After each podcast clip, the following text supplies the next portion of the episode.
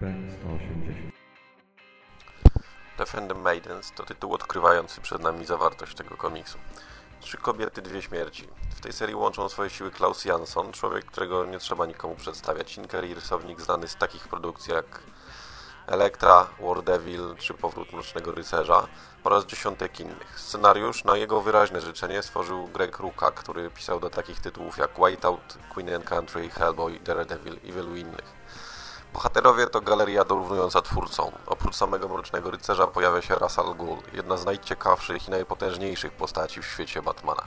Tym razem nie jako wróg, lecz stary, umierający człowiek potrzebujący pomocy. Obrony przed Nicą, własną córką, która pragnąc jego śmierci zaprzega do dzieła zniszczenia Talię, młodszą z jego córek i kobietę bliską Batmanowi na swój pokrętny sposób. W zamian za pomoc głowa demona daje detektywowi prezent, umożliwiający mu spotkanie ze swymi martwymi rodzicami. Przerabiamy więc ponownie scenę zbrodni na oczach małego Brusa, tym razem jednak zaskoczenie. Martha Wayne to postać chyba najbardziej niedoceniana i niewykorzystana w mitologii Batmana. Nie wiemy w zasadzie nic na jej temat, oprócz tego, że kochała męża i syna i że nosiła perły.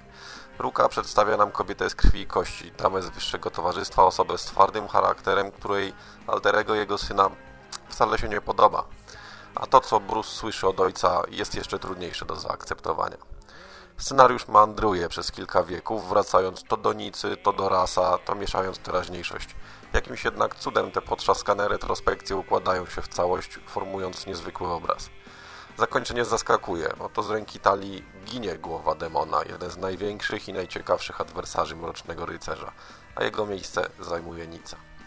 Klaus Jansson wielokrotnie pokazał, że zna się na swojej pracy, ale w tej serii przeszedł sam siebie. Doskonała, trochę kanciasta, miejscami twarda i mroczna kreska świetnie oddaje klimat powieści.